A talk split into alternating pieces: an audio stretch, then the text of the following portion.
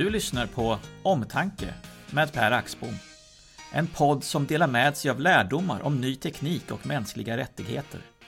För dig som strävar efter välbefinnande i ett modernt samhälle. Det är kåserier, essäer och spaningar som får dig att tänka om.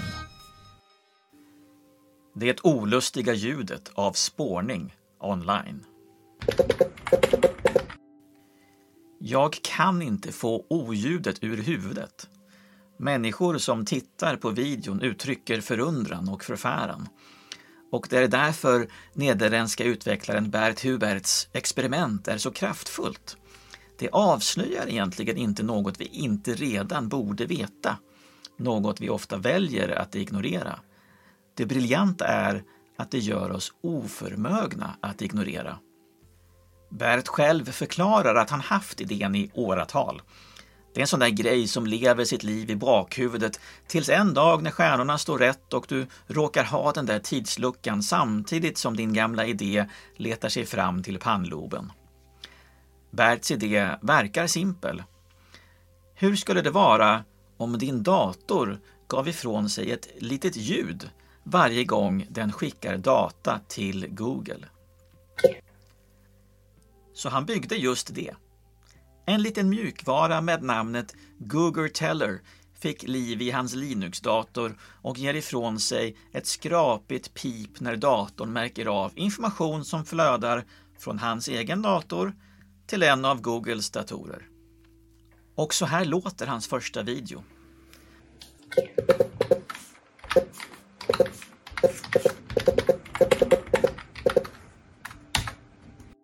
Det är när han besöker den nederländska regeringens sida med lediga jobb.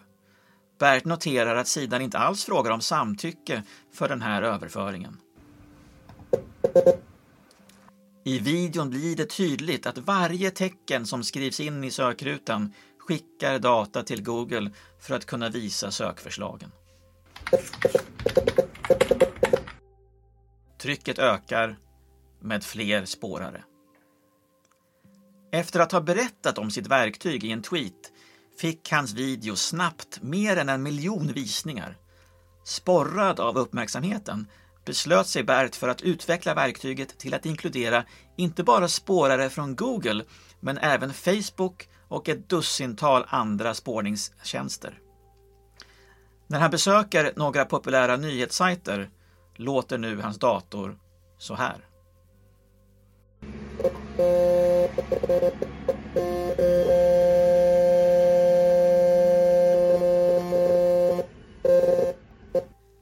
Även om jag själv personligen är oerhört medveten om att den här spårningen pågår på de flesta sajter vi besöker idag, så får videon och dess läten mig ändå att rysa.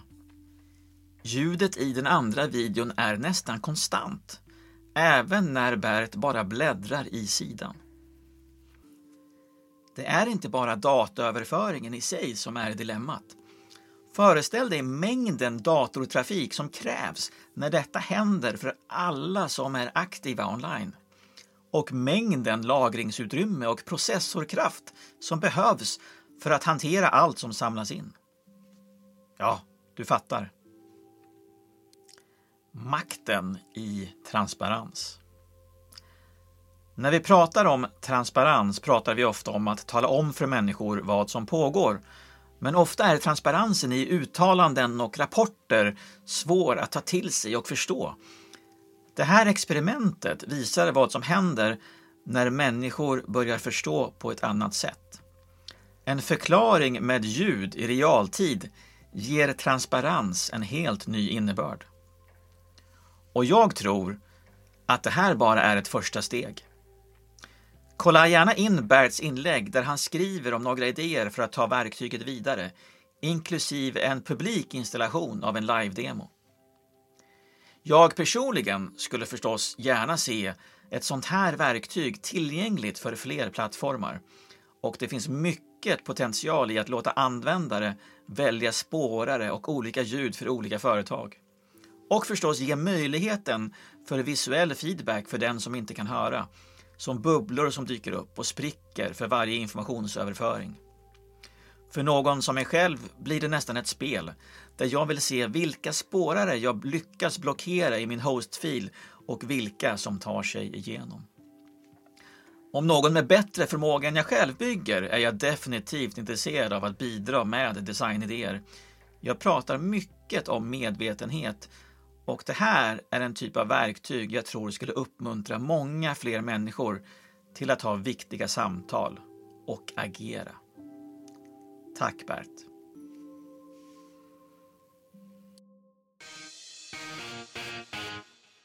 Du kan läsa fler tankar om mänskliga rättigheter och ny teknik på axbom.se. Per är också författare till handboken Digital omtanke. Om du vill anlita Per som skribent, coach, lärare eller konsult är du välkommen att mejla direkt till per axbom.se.